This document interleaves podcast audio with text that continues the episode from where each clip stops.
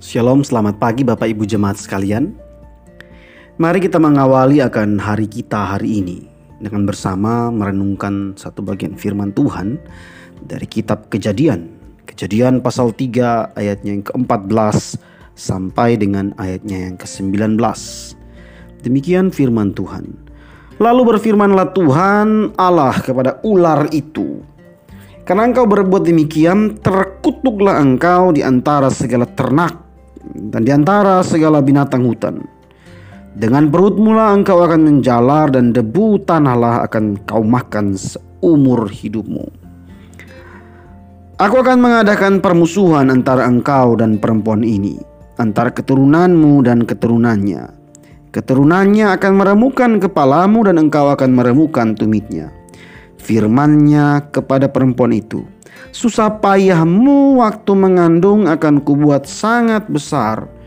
Dengan kesakitan engkau akan melahirkan anakmu, namun engkau akan birahi kepada suamimu, dan ia akan berkuasa atasmu. Lalu firmannya kepada manusia itu, karena engkau mendengarkan perkataan istrimu dan memakan dari buah pohon yang telah kuperintahkan kepadamu, janganlah makan daripadanya, maka terkutuklah tanah karena engkau. Dengan bersusah payah engkau akan mencari rezekimu dari tanah seumur hidupmu, semak duri dan rumput duri yang akan dihasilkan bagimu, dan tumbuh-tumbuhan di padang akan menjadi makananmu. Dengan berpeluang engkau akan mencari makananmu sampai engkau kembali lagi menjadi tanah karena dari situlah engkau diambil, sebab engkau debu dan engkau akan kembali menjadi debu.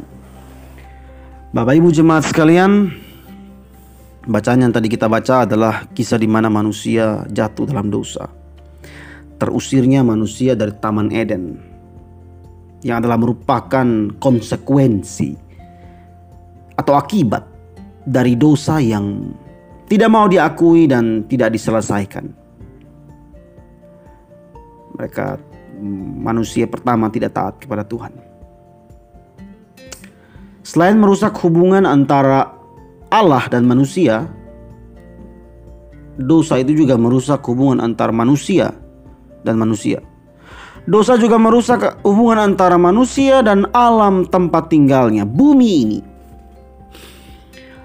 Bumi menjadi tempat yang terkutuk, bahkan menumbuhkan semak duri. Kalau tadi kita baca, Bencana alam mewakili betapa tak bersahabatnya bumi terhadap manusia penghuninya. Tidak jarang kita menemukan bahwa bencana alam itu menelan korban jiwa daripada pihak manusia yang begitu banyak. Sungguh sangat berbeda dengan keadaan Taman Eden yang indah dan nyaman awal mulanya. Tuhan menciptakan segala sesuatu itu baik, tetapi dosa itu merusak segala sesuatunya. Manusia juga berulah. Kalau kita melihat pengeksploitasian terhadap bumi dan segala hasilnya itu terus dilakukan dengan rakus. Kalau kita mau jujur, banyak orang, manusia mengeruk isi perut bumi hingga bumi semakin rusak dan semakin panas. Belum lagi terjadi efek rumah kaca atau pemanasan global. Dulu daerah-daerah seperti Batu, Malang dan sebagainya itu daerah yang dingin. Mungkin Banyuwangi juga dulu tidak sepanas ini. Tetapi oleh karena efek pemanasan global, efek rumah kaca sehingga bumi ini semakin panas akibat ulah manusia. Banjir yang terjadi karena penebangan hutan yang tidak bertanggung jawab hutan yang merupakan tempat di mana paru-paru dunia dan tempat penyerapan daripada segala air itu menjadi tidak ada lagi tempat dan ruang untuk itu. Sungai-sungai malah penuh dengan sampah. Kalau kita lihat Jakarta itu Sungai Ciliwung itu waduh luar biasa sampahnya. Dan bukan hanya di situ, di Rogo Jampi juga banyak sungai-sungai yang penuh sampah kali-kali yang penuh sampah. Orang buang sampah ke kali, ke sungai. Merusak sungai itu. Juga pencemaran laut dan bumi oleh limbah-limbah pabrik. dan mengapa menghancurkan akan kehidupan biota laut.